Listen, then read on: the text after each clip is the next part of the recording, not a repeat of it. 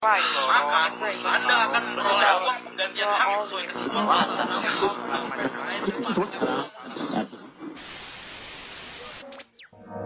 You're listening to Alsa Podcast. Langsung ke perkenalan diri aja. Uh, ya kenalin. Uh, nama gue Willy. Ini gue di sini selaku direktur eksekutif PFL Malang. Untuk pengurusan 1920. Di samping gue Ya, uh, gua Gamal, manajer partnership untuk kepengurusan IFPL Sektor Malang 2019-2020. Yo, eh, dan gua Fakis selaku project officer podcast episode 3 gue Adam dari eh, koordinator dari ICP di sini kita akan membahas tentang kepemimpinan di jiwa kepemudaan pada aspek apa? Gimana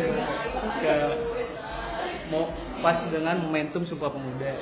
Oh, kita yang kita tahu kan eh, kepemimpinan jiwa pemuda tuh buat apa ya?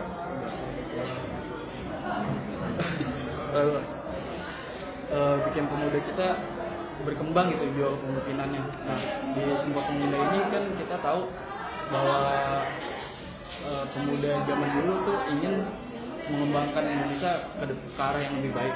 Nah menurut Mas jiwa kepemimpinan untuk saat ini dengan eh, makna Sumpah Pemuda yang dulu itu udah tepat atau belum?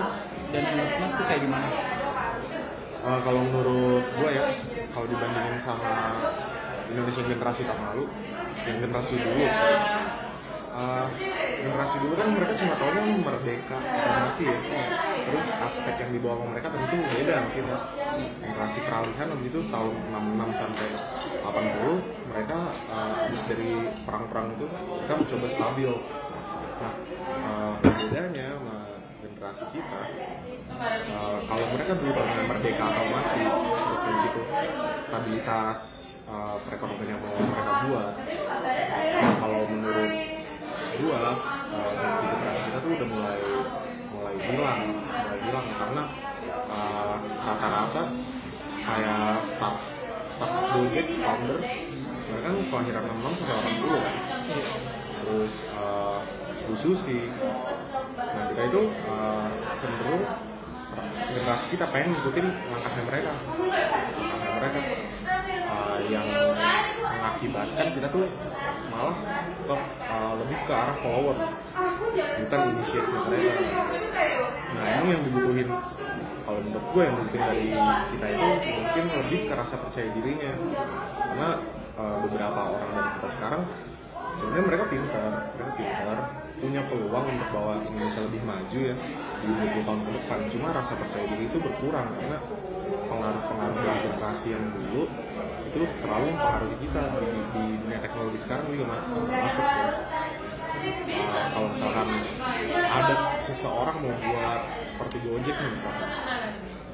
Uh, nanti ada lagi tuh yang kritik gue mau buat DP uh, suatu aplikasi kayak Gojek gitu misalnya. Itu udah ada loh. Pasti orang pak ada yang bilang gitu kan. Itu udah ada loh. Nggak dimakarin. Atau kayak menteri hebat itu udah ada Bu Susi akhirnya itu cenderung kok. Aduh nggak percaya diri. Lebih ke followers. Nah itu menurut gue yang perlu ditingkatin dari generasi kita. Nah itu tuh arah percaya diri percaya diri uh, untuk nunjukin kapabilitas kita masing-masing. Karena percaya gak percaya uh, kenapa gue bilang percaya diri itu perlu ditumbuhin? Karena itu yang membangun Indonesia di 25 tahun ke depan. Ta- tahun 2045 berarti kan? Iya, tahun Uh, dan faktanya juga tuh Indonesia sendiri gak ini kalau menurut media Indonesia itu terkenal di mata dunia. Uh, presiden kita sendiri Jokowi udah dikenal di mana-mana. Faktanya juga gak seperti itu. Beberapa orang juga masih nggak tahu Indonesia itu di mana Indonesia itu apa. Biasanya masih di Jakarta atau Bali. Justru mereka nggak tahu Jakarta soalnya malah Bali. Bali Indonesia bukan eh Indonesia itu Bali bukan Bali Indonesia. Nah, makanya gue bilang percaya diri aja percaya diri di uh, dalam personal personal itu kita karena kalau misalkan udah Indonesia yang sekecil itu gak dikenal sama di mata dunia ditambah lagi orang-orang di dalam gak percaya diri itu gimana ntar generasi 20 tahun ke depan? Jadi menurut gue percaya diri itu uh, penting banget sih untuk pada momentum sumpah pemuda ini ya memajukan generasi. Penting percaya diri terus sama uh, ditambah wawasannya. Karena percaya diri itu juga gak cukup. Kalau misalkan wawasan yang luas juga gak dibarengi menurut gue itu sih.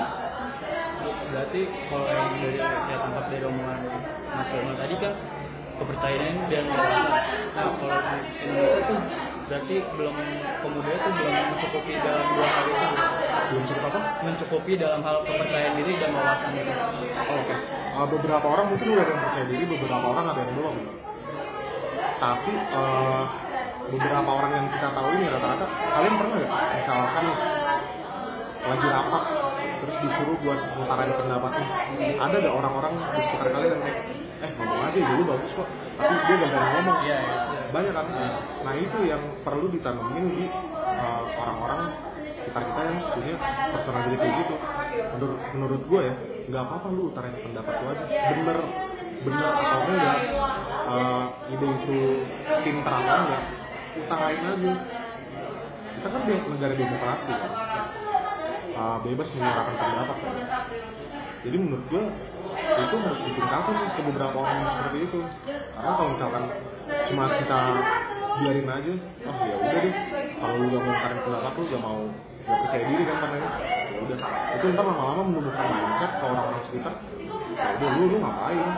Gue oke gue punya ide bagus nih, ngapain gue kasih tahu? Gue uh, ntar ntar dibilang ah apa sih apa sih? Uh, dengan itu juga kita juga setting orang buat apresiasi apa pun idenya karena menurut gue itu penting banget sekecil apa pun ide itu itu akan memberikan impact itu akan memberikan impact yang uh, terlebih penting menurut gue apresiasi juga jangan lupa sekecil apa pun hal itu Ini kalau menurut Mas Gamal kepemimpinan tuh gimana ya? Kalau dari aku sendiri ya, ini bahas kepemimpinan secara general atau gimana? General Secara, dulu. secara general. ya. Kalau menurut aku sendiri kepemimpinan itu tuh menempatkan sesuatu di tempat yang benar. Maksudnya apa? Uh, uh, how you manage yourself uh, dan juga uh, others gitu orang lain. Kayak misalkan uh, kita nih kalau hidup kita belum teratur, gimana kita mau ngatur hidup orang gitu? Kita misalkan uh, hidup nih misalkan uh, ngerjain tugas masih molor, ya, masih atau enggak kita uh, mengerjakan sesuatu juga masih yang ditunda-tunda dulu dan akhirnya nanti malah berantakan. Kalau misalkan dari sendiri diri sendiri itu nggak bisa, gimana kita manage orang gitu. Sedangkan sa- menjadi pemimpin itu pasti ada ada kita sebagai leader ada followersnya kan ya. Nah, bagaimana kita membawa kita sendiri dan followers-followers kita itu mencapai satu tujuan yang tujuannya itu ya tujuan bersama gitu. bukan tujuan pribadi atau tujuan eh, ya udah menguntungkan bagi pemimpinnya aja gitu. Sebenarnya ke, ke, ke situ dulu sih kalau untuk kepemimpinan. Kayak gitu. Kalau kepemimpinan di jiwa pemuda berarti apa tuh yang ditambah? Jiwa pemuda ya. Eh, kalau misalkan misalkan aku sambungin ke yang tadi Kak Willy omongin ya. Eh, kita nih misalkan sebagai pemuda kit- suatu saat nanti kan kita bakal menjadi orang-orang yang akan menggantikan eh, pemimpin-pemimpin kita gitu. Kita kan ada satu saat nanti kita akan menjadi eh, kayak di pemerintahan atau segala macam apa ya posisi lah gitu di society. Kalau dari aku sendiri sih gimana ya ngeliatnya? Kayak eh, aku nge-highlight eh, perkataan Willy yang pemuda itu harus kayak percaya diri harus berani segala macam. Itu emang itu benar percaya diri berani dan komitmen sih menurutku. Karena eh, misalkan gini deh ah, misalkan eh, aku mau buat startup. Tapi kalau misalkan cuma ada di pikiranku dan cuma jadi cuma eh aku mau buat ada ide nih gini gini gini gini gini ya itu cuma aja. Ya cuma menjadi omong kosong belaka gitu nggak menjadi apa-apa. Pertama itu percaya diri percaya diri dengan ide yang lu punya pertama itu. Kedua berani berani ini berani ambil langkah berani ambil eh, aksi gitu. Gue mau cerita kayak dulu gue waktu dulu tuh zaman zaman kopi kopi baru-baru ngetren nih iya baru-baru ngetren. Gue sempet punya ide sama temen gue sama anak-anak sama anak Apple juga. Eh eh bro bikin kopi susu yuk. Ini untuk masih dulu tuh masih baru adanya tuh pesen kopi doang. Dan pesen kopi itu kalau nggak salah baru satu di Suhat. Hmm, itu kayak eh itu gue sekali nongkrong di situ. Eh gue ngobrol sama temen gue berempat. Kayak mereka ngobrol kayak harus begini harus begini harus begini. Terus gue kayak ya udah gue buka ini boleh sebut merek sih. Gue buka Tokopedia langsung gue wishlist semuanya terus gue bilang ke temen gue ini lo mau bayarin nggak nih kita patungan kayak gini? Ya udah kita patungan. Akhirnya jalan dan itu udah jalan kalau nggak salah tuh tahun tahun lebih lah. Dan menurut gue eh, ya sukses sih meskipun masih di lingkungan kampus kayak masih di himpun yang tahu tuh cuma himpunan gue sama fakultas gue dan pesenannya tuh dulu gue satu UB tuh nerima pesanan lumayan banyak lah. Satu hari tuh bisa 50 cup sampai 60 gitu ya menurut gue untuk eh, mahasiswa cuma berempat 60 cup ya setahun lumayan lah duitnya. Bisa beli, sepatu bisa beli apa gitu. Ya di situ situ di situ gue belajar meskipun sekarang nggak lanjut ya karena masing-masing udah sibuk dan lain-lain. Kayak yang ide sebesar apa pun itu yang lu punya sebrilian apa pun kalau lu nggak berani ya itu akan jadi hal yang sia-sia gitu. Dan terakhir komitmen ya kalau misalkan lu udah punya ide lu udah jalan tapi lu nggak komit sama itu ya akhirnya runtuh juga gitu. Yang kayak tadi gue bilang kalau misal kan tadi bisnis gue nggak lanjut kayak ya udah ya udah runtuh gitu. Kalau misalkan lu nggak komit sama itu gitu sih. Ber- Berarti kan tadi em, yang aku tangkap nih dari eh, Mas Willy, Mas Jamal, berarti sifat pemimpin tuh harus ada eh, percaya diri, eh, ide yang bagus atau kreativitas, jalani sama komitmen. Em, menurut Mas Willy sama Mas Jamal bisa nggak sih? Kalau misalkan eh, seorang pemimpin itu emang udah dasarnya dia percaya diri dia berani, tapi dia kurang ada ide kreativitas kreativitasnya. Jadi eh, apa yang mau dia jalani dia langsung jalanin aja nggak nggak eh, tanpa pikir panjang? Bisa bisa banget. Justru orang yang nggak percaya diri tapi idenya kreatif sama orang yang percaya diri tapi nggak punya kreatif itu lebih jalan orang yang percaya diri. Kenapa? Karena orang yang percaya diri dia itu udah udah pede gitu loh.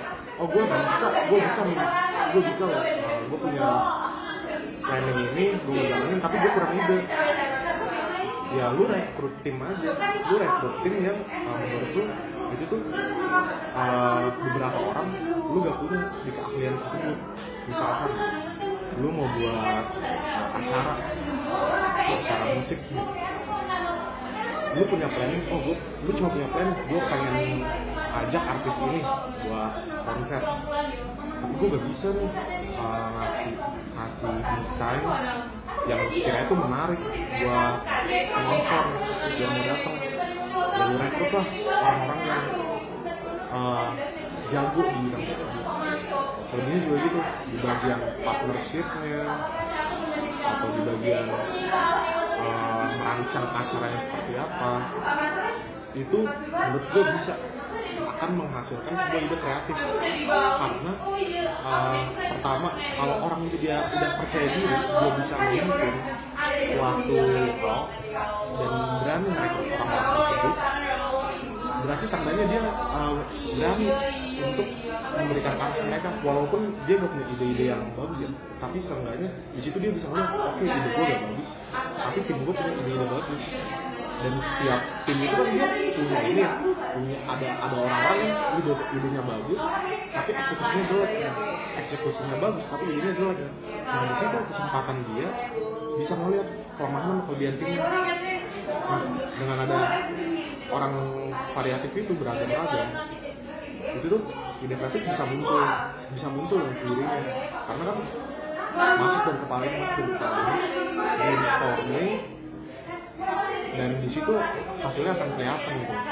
Nah coba bandingin sama orang yang dia punya ide kreatif tapi dia gak percaya diri. Dia idenya banyak nih tapi dia gak percaya diri.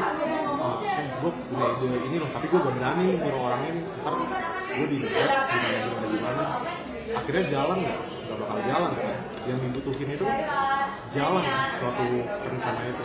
Bukan sama yang tadi kayak Gamal bilang ide ada tapi gak berani jalan ya udah bakal jadi sebuah ide doang. Ini menurut, menurut gue itu sih bisa bisa banget orang percaya diri tapi gak kreatif uh, mau buat sesuatu yang kreatif bisa menurut Mas Gamal gimana? Kalau menurut, menurut aku sendiri ya yang tadi dibilang nggak semua nggak ada orang di dunia ini tuh yang bisa semuanya gitu. Nggak ada yang istilahnya tuh eh, sempurna gitu. Seorang leader juga pasti butuh orang lain untuk membantu dia mencapai tujuannya gitu. Misalkan ada orang nih yang percaya diri tapi nggak punya ide kreatif. Atau misalkan ada orang yang, yang punya ide kreatif sama orang yang percaya diri itu kan uh, kalau dilihat dari bahasanya kan saling melengkapi ya kayak gitu kan. Nah kayak gitu uh, maju itu untuk, menjadi pemimpin itu tuh bukan berarti lu harus bisa maju sendiri gitu. Tapi lu gimana caranya lu menggait orang-orang di sekitar lu itu uh, menuju tujuan yang sama kayak gitu sih. Nah nggak perlu suatu leader itu harus percaya diri kreatif dan pokoknya uh, semua checklist itu dia uh, terpenuhi gitu nggak nggak kayak gitu. Tapi gimana caranya dengan kemampuan yang dia punya uh, kelebihan yang dia punya itu bisa uh, membawa orang-orang sekitarnya itu ke tujuan yang sama. Menurut kayak gitu sih. Sama ini sih gue mau nambahin. Uh, kadang tuh kalau misalkan lu pimpin sebuah tim uh, yang tadi Gamal bilang lu gak, gak perlu seorang leader tuh gak perlu butuh semuanya di checklist. Yang di highlight ya cuma itu kreativitas itu uh, adalah suatu tambahan uh, percaya diri.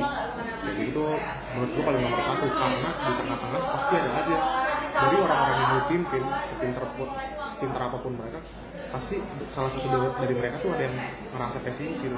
Aduh ini bakal gimana bakal gimana kira-kira uh, kita bakal berhasil gak sih? Nah yang dibutuhin seorang leader itu meyakinkan mereka tenang aja semuanya tuh pasti pasti bakal karena kalau misalkan kepalanya kepalanya aja udah yakin ya itu pasti uh, ke bawah-bawahnya bakal ini bakal lancar.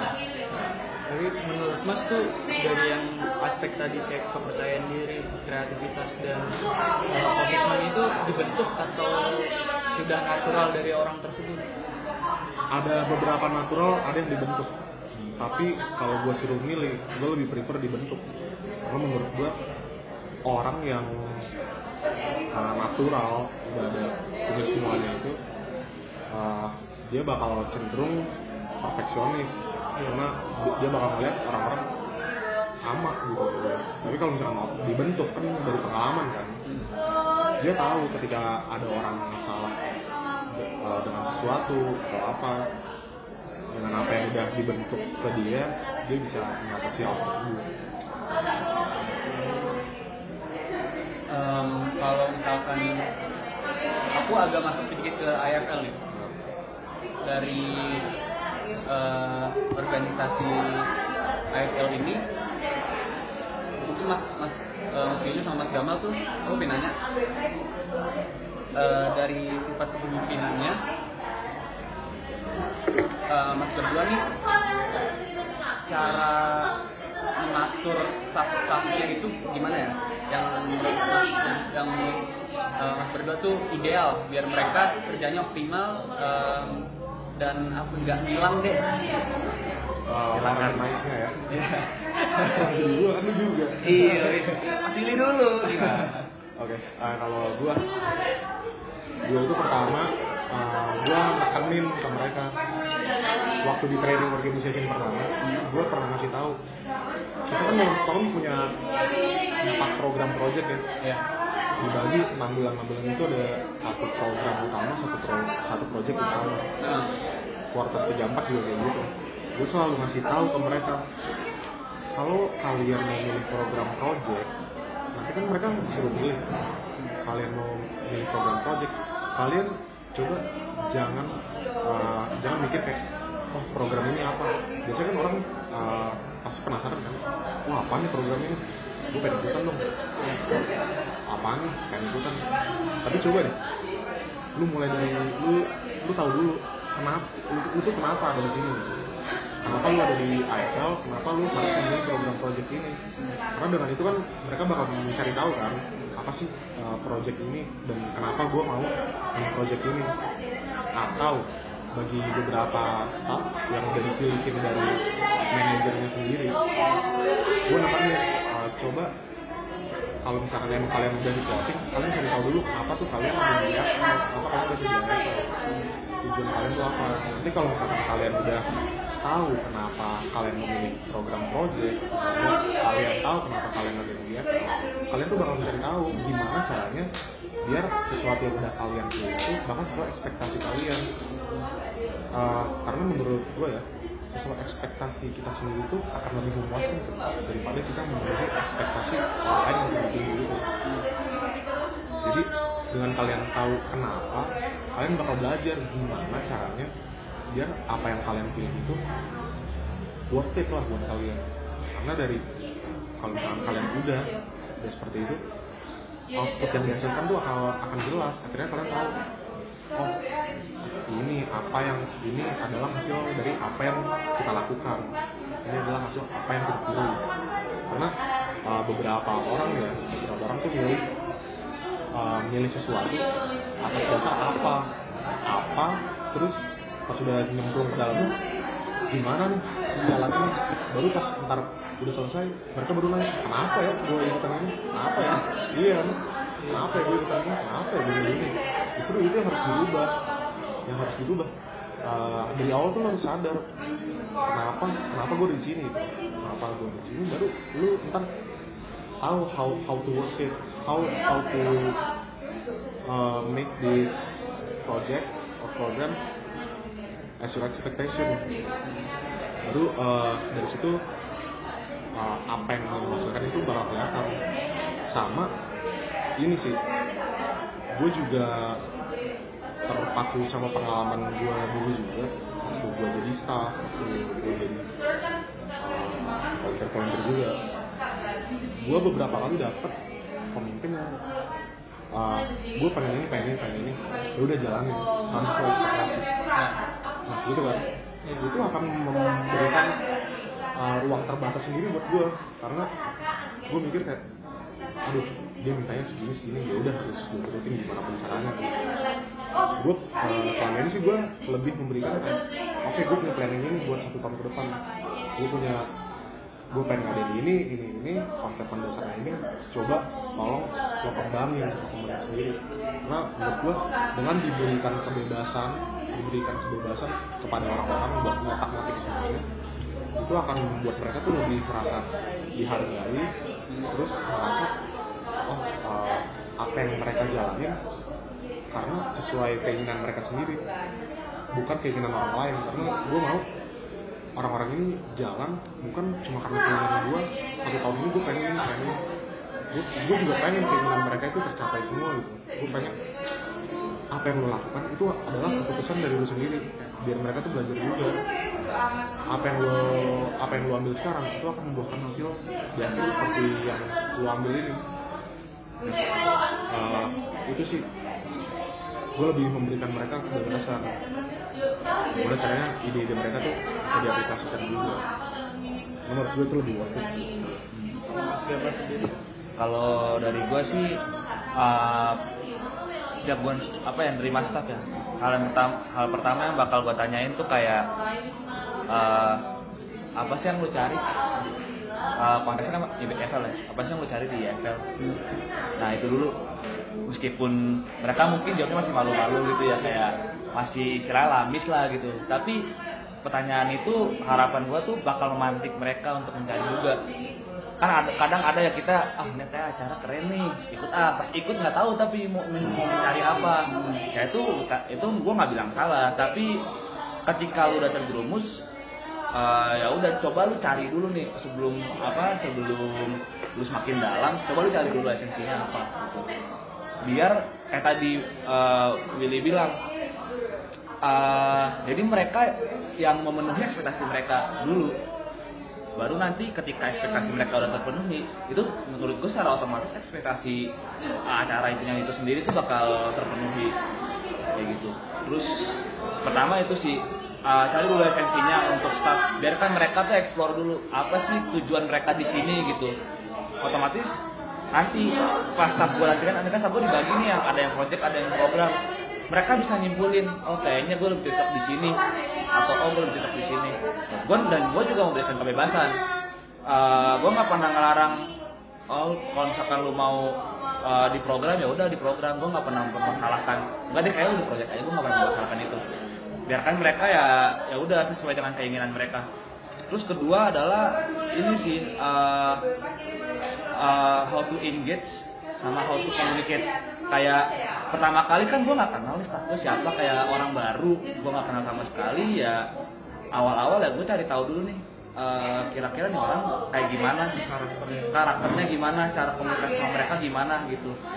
Baru kita yang uh, gimana apa ya menyesuaikan mereka jangan mereka menyesuaikan kita karena apa ya itu lebih sulit menurut gua. Uh, karena mereka orang baru kan di lingkungan baru gitu. Sedangkan uh, secara IFL gue gue lebih lama gitu. Otomatis uh, apa ya kalau menurut gue bakal lebih susah bagi mereka untuk mengikuti gue gitu. Jadi gue yang adaptasi mengikuti mereka. Terus uh, gue kalau pembawaan gue sendiri sih uh, apa ya gue nggak mau kayak yang terlalu bosi atau gimana gitu loh. Kayak ya udah kalau di luar IFL maksudnya di luar tugas-tugas ya kita ya udah temen aja gitu. Gue pengen membangun itu sih relasi pertemanan. Kayak gitu. Jadi uh, ya udah nongkrong nongkrong gitu. Tapi kalau misalkan kita uh, ngomongin pekerjaan gitu misalkan di rapat atau gimana ya itu saatnya serius gitu. Kita ngomongin pekerjaan profesional gitu tapi kalau misalkan di luar itu ya udah kita kayak teman biasa kayak gitu. Otomatis kalau misalkan dia udah merasa kayak oh nih uh, ini manajer gue tapi ya teman iya tapi manajer juga iya otomatis dia akan respect sendiri ke kita gitu. Nggak perlu uh, istilahnya lu mencari respect kan banyak tuh kayak orang-orang yang kalian memimpin tuh dengan cara apa ya cari respectnya biasanya kayak yang uh, yang terlalu bosi atau gimana gitu. Gue nggak mau kayak gitu karena mereka ngerjain tugas tugas mereka ya nggak sepenuh hati gitu. Gue pengennya mereka di IFL ya fun enjoy tapi juga profesional dan serius gitu sih. Karena analoginya ini ini aja sih. Uh, kan tadi gue nanya ya mereka bisa biar tetap ada ya. Nah analoginya gini aja. Lu memperkerja memperkerjakan orang yang dibayar itu kalau misalkan lu masih bersikap bosi nggak sesuai apa ya ekspektasi mereka terlalu nge mereka terlalu parah itu kinerjanya bisa turun gimana mereka yang nggak dibayar. Eh itu bener kata kamu tadi kita harus menyesuaikan mereka karena mereka kan orang baru di lingkungan kita uh, at least tuh buat mereka seneng aja dulu pasti ntar ekspektasi ekspektasi juga bakal mengikuti gitu sih terus apa berarti yang tadi saya tangkap tanggung jawab juga penting gak sih dalam hal kayak kepemimpinan di FL itu sendiri dan untuk ke staff-staff nah terus yang saya tanyain jadi tanggung jawab itu juga dibentuk masih sejalan dengan kepemimpinan itu? Dibentuk. Itu yang yang tadi yang tadi gue bilang. Kenapa? Ketika lu memilih program project atau ketika lu memilih berada di IFL sendiri lu harus tahu dulu tuh kenapa karena dari keputusan yang udah lu buat lu harus bertanggung jawab di akhir. Karena jujur ya kalau misalkan lu udah buat keputusan terus udah lu selesai lu udah bertanggung jawab itu sorry banget sih. Bukannya gua mental ya tapi sampai kapan pun lu gak bakal pernah jadi orang gak, setinggi apa pun pendidikan lu ya lu gak bakal pernah jadi orang sukses. Gua ya soalnya dengan keputusan yang udah lu ambil aja lu berani ninggalin gimana ntar gitu? Di lu lulus pasti kan uh, lebih lebih berat lah ya gitu ya. Nah, gue itu itu yang gue tanyain juga. Lu udah ngambil ini lu udah tahu kenapa ya udah. Gue bebasin lu lu mau ngapain kek mau ngasih ide apa terserah. Yang penting itu jalan sesuai dengan apa yang udah lu utarain lu udah berbuat ini ya udah tolong lah tolong lakukan tolong selesaiin. Tanggung jawab bertanggung jawab lah dengan keputusan yang udah kalian buat. Menurut gua itu eh, itu sesuatu yang dibentuk juga di sini. Uh, terus ke topik itu uh, kan 2045 ada bonus demografi yang kita tahu bahwa angka eh, usia muda tuh lebih besar daripada angka usia tua. Nah di IFL sendiri itu ada eh, udah ngebentuk persiapan buat ke situ nggak sih? Terus man- dimanfaatkan nggak oleh IFL?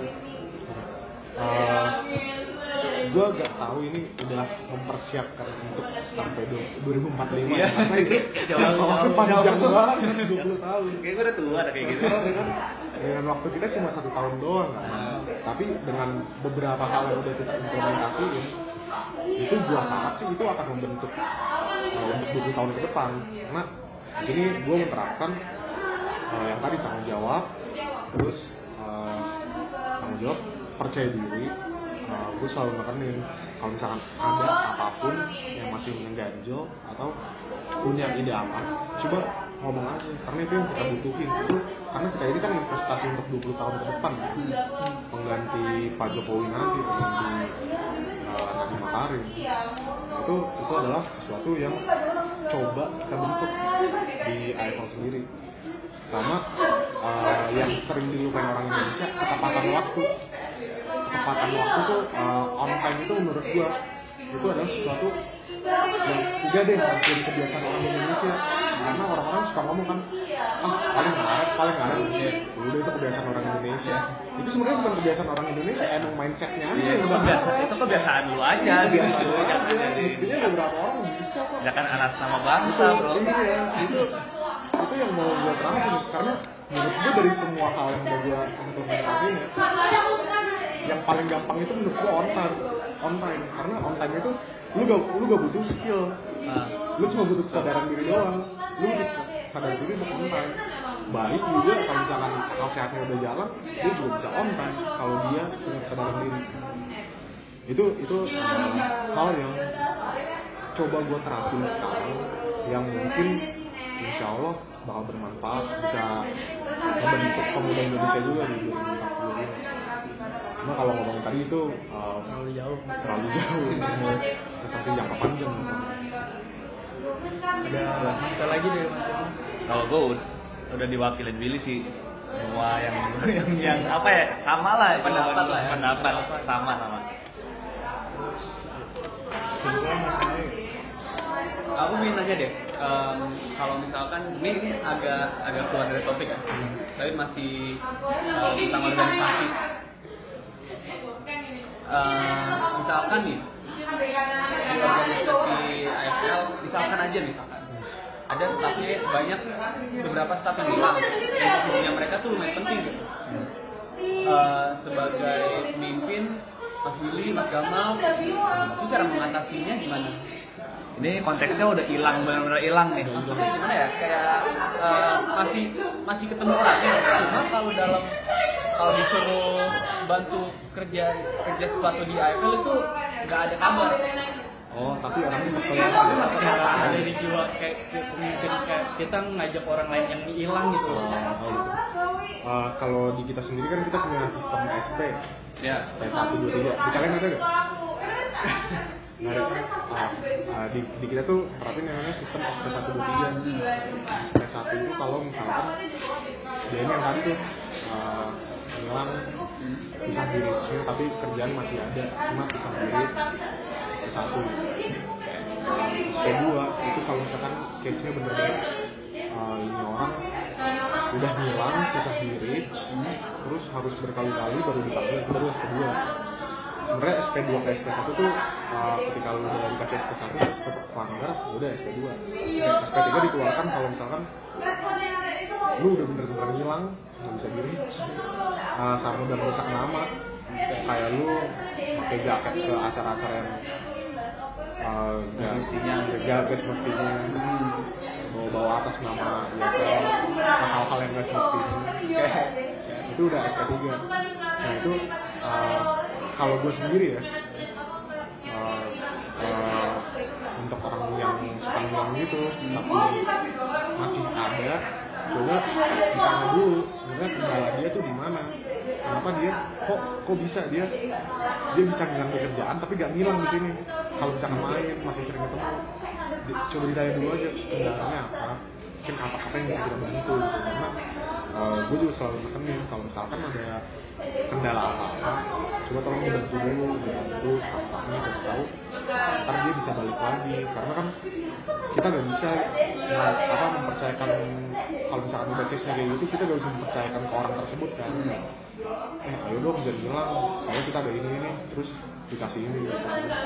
coba coba tanya dulu aja kenapa nih ada susah ada susah di mana? Kendalanya ada apa? Karena kan pasti orang itu punya alasan kenapa dia gak mau ngelesain tugasnya entah karena apa ya tekanan dari atasannya atau tekanan dari rekan di timnya pasti ada aja cuma kalau udah ya udah hilang. Kabar Kamu kalau gimana? Kalau dari gue sama sih cari tahu dulu kayak ajak ngobrol mungkin berdua atau gimana. Ya kita cari tahu dulu masalahnya tuh apa yang ada di dia nih ya. Dan bisa nggak kita bantu gitu? Ya memang sih bisa mungkin harus kita bantu gitu. Karena eh, apa ya ibaratnya ketika misalkan gue sebagai manajer nih ketika milih staff ya mereka tanggung jawab gue karena gue yang udah milih mereka gitu dan gue percaya kepada mereka. Otomatis ketika mereka ada masalah ya itu sebagai tanggung jawab gue untuk membantu mereka gitu loh. Jadi misalkan gue selalu deketin juga sih eh, setiap rapat kalau misalkan mereka butuh sesuatu dari gue butuh bantuan apa segala macem itu bilang eh, jangan diem diem aja gitu. Karena pasti gue bantu gitu. Eh, apa namanya misalkan mereka sibuk atau gimana atau misalkan mereka kesusahan ngerjain eh, tugas mereka gitu ya gue bantu pasti gitu. Eh, itu sih intinya komunikasi sih komunik apalagi ini konteksnya kan masih masih kelihatan nih kan ya. Eh, otomatis ya tadi yang kayak Willy bilang mereka tuh eh, ngilang pasti eh bukan hilang apa ya istilahnya kalau kayak gitu pasti iya pasti ada sesuatu gitu. Yang membuat yang menghambat mereka untuk mengerjakan tugas mereka. Ya itulah eh, yang kita cari tahu dulu dari mereka apa sih gitu. Dan ya udah kita bantu gitu. Kayak gitu sih. Eh, kurang lebih sama lah kayak kayak Willy. Simpulannya berarti eh, harapan Mas tuh buat eh, pemuda sekarang kita juga pemimpinan ke dalam organisasi dan maupun Indonesia itu harapannya apa ya? harapan gue ini sih uh, untuk pemuda sekarang ya yang generasi kita coba deh uh, hal paling pertama banget. Coba on time dulu deh dalam mengerjain sesuatu dalam kehadiran. Karena uh, Indonesia tuh udah negara berkembang tambah lagi orangnya ngaret gitu. Kapan mau majunya sementara uh, negara-negara maju yang kayak Jepang terus uh, beberapa negara di Eropa mereka mereka udah bisa on time. Gitu. karena yang tadi gue bilang on time itu bukan sesuatu yang butuh skill cuma butuh kesadaran aja sadar dari diri sendiri. Karena uh, sadar gak sadar waktu yang udah kalian habiskan karena ngaret atau apa tuh itu bakal memberikan impact impact yang besar di belakang. Ke, de- ke depannya gitu. Itu menurut gue yang harus ditanamin dulu nih di jiwa muda karena buat ngilangin stigma tuh yang kayak ah kebiasaan orang Indonesia nih ngaret kebiasaan orang-orang nih ngaret itu kebiasaan lu. Kebiasaan orang Indonesia. Bawa Indonesia. Iya. itu kebiasaan lu. Terus kedua eh, yang pertama kali banget gue bilang coba uh, pakai dirinya ditumbuhin karena kita itu eh, di Indonesia di mata dunia kita itu belum terlalu menjadi sesuatu yang udah dikenal kayak Amerika, Prancis, Jerman. Ketika orang-orang luar nanya Indonesia itu ada di mana, beberapa dari mereka masih nanya ini di Afrika bukan? Soalnya gue pernah tuh dulu, eh, gue pergi keluar, terus tuh gue ini gue kemakan media lah, kayak orang-orang tahu Jokowi itu siapa, tahu Indonesia di mana. Rich Brian tau kan? Ya. Iya, itu yang menurut kita kan, wah udah ada di New York Ya, Times udah Square, internasional lah. pasti terkenal. Ternyata pas gue tanya, "Eh, Jokowi siapa ya? Baru ada orang lain nah, nimpalin, oh Jokowi itu presiden Indonesia. Oh, Indonesia tuh masih negara ini gak sih? Negara-negara kayak Afrika gak sih? Wah itu gue, itu gue kayak ada apa ya? Sedih. Kayak sedih gitu. kayak Aduh, karena ngeliat lu Will kayaknya Will Emang- Kayak- tapi bisa jadi mau Iya. ya cuma gitu kan ah, Indonesia itu kayak negara-negara Afrika pedalaman sih? waduh gua kan wah emang kita sendiri lah terus ah, dia ngomong gini gue sih taunya Bali justru Bali itu Indonesia bukan Indonesia itu Bali padahal Bali yang segitu kecil masa lebih dikenal sama pulau kita yang segitu banyak. Eh, dengan image negara kita di mata internasional masih seperti itu menurut gua kepercayaan diri di pemuda masing-masing itu harus ditingkatkan karena uh, pemuda yang percaya diri yang nggak berani untuk uh, mengimplementasikan sesuatu dari ide-idenya terus nggak berani mengutarakan pendapat ya Indonesia udah image seperti itu ditambah dengan pemuda-pemuda yang akan semakin banyak seperti ini apa kabar nanti ke depannya? Kasian lah. Orang-orang kakek-kakek kita dulu kan perang-perang mati-matian nah ini Indonesia udah beda sama 100 tahun lalu. Percaya diri harus lebih ditingkatkan sama komitmen komitmen yang tadi dibilang Bang karena uh, beberapa dari kita itu kurang komitmennya. Kita cuma pengen sesuatu. Kita cuma pengen sesuatu yang bisa membuat nama kita tuh naik. Karena membuat posisi kita di suatu lingkungan itu naik. Tapi kadang tidak berkomitmen terhadap sesuatu dengan apa yang udah kita pilih. Nah itu harus ditingkatkan karena bahaya tuh orang-orang seperti itu. Orang-orang seperti itu kalau misalkan bakal terus ada itu cikal itu yang menurut gue akan menjadi cikal bakal pejabat-pejabat yang kayak korupsi pejabat-pejabat yang suka bolos-bolosan itu karena mereka cuma milih oh gue pengen jadi anggota DPR gue pengen jadi gini. Tapi gue pas di tengah aduh gue cuma ini udah tinggalin aja. Kan gue bosnya eh ya lu tinggalin aja kan gue bosnya itu komitmennya udah dimulai dari situ. Jadi yang gue harapkan itu bisa berkurang di tahun 2045 nanti. Tiga aspek itu uh, mungkin dari gue nggak segitu banyak nih tapi itu menurut gue hal yang penting banget. Karena kalau misalkan diri kita sampai 20 tahun ke depan masih kayak gitu ya jangan harap kita bilang 2045 Indonesia bakal maju. Ya kita kan investasi dari 20 tahun ke depan. Kan. kalau kita sendiri kayak gitu ya jangan harap 2045 kita bisa nyamain level-level negara-negara Eropa Amerika. Kalau gue sih sebenarnya nggak berani sih kalau misalkan harapan ke pemuda Indonesia. Ya. itu kesannya kayak kalau gue ngomong tuh kayak presiden atau gue kayak buat orang tua lah, aja deh, gitu, orang tua. Tapi mungkin sih kalau misalkan semoga ini harapan gue buat diri gue sendiri sebagai casual teenager Indonesia lah gitu. Harapannya ya mewakili gitu mewakili semuanya. Kalau gue sih pertama eh, percaya diri. Eh, percaya diri komitmen berani sama attitude dan work ethic nah tiga tadi kan udah, di- udah dibahas ya sama work ethic sama attitude tuh kayak tepat waktu terus gimana lu komunikasi sama eh, apa sebaya atau sama orang tua atau mungkin yang lebih muda gitu. Gimana caranya lu komunikasi lah gitu. Karena kan setiap orang tuh beda-beda ya. Mungkin eh, apalagi misalkan di dunia kerja nih kayak lu nggak nggak pasti nanti ketemu bukan hanya dari orang Indonesia tapi orang luar gitu. Otomatis cara komunikasi lu berbeda kayak gitu sih. Lebih yang yang gue tekanin keempat empat itu tadi. Eh, percaya diri berani komitmen sama attitude dan ethic sih kayak gitu. Karena itu tuh menurut gue juga itu tadi gue lupa nambahin. Itu tuh menurut gue penting sih. Uh, orang pinter tapi kalau misalkan attitude-nya nol dia gak bakal jadi apa-apa. Tapi kalau attitude-nya 100 dia dia segitu pinter itu dia bisa nyamain siapa aja. Siapa aja mau yang dia mau Cristiano Ronaldo deh contohnya. Sama Messi ya.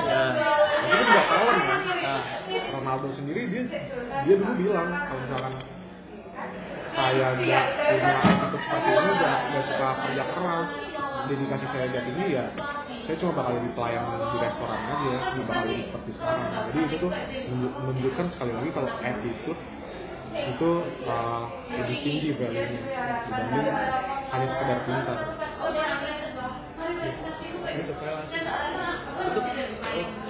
Eh, sekian bincang-bincang malam hari ini oleh eh, pada Mas Willy dan Mas Yamal terima kasih.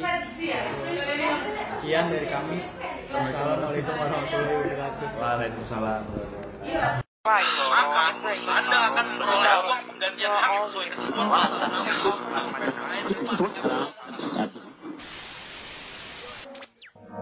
You're listening to Alsa Podcast.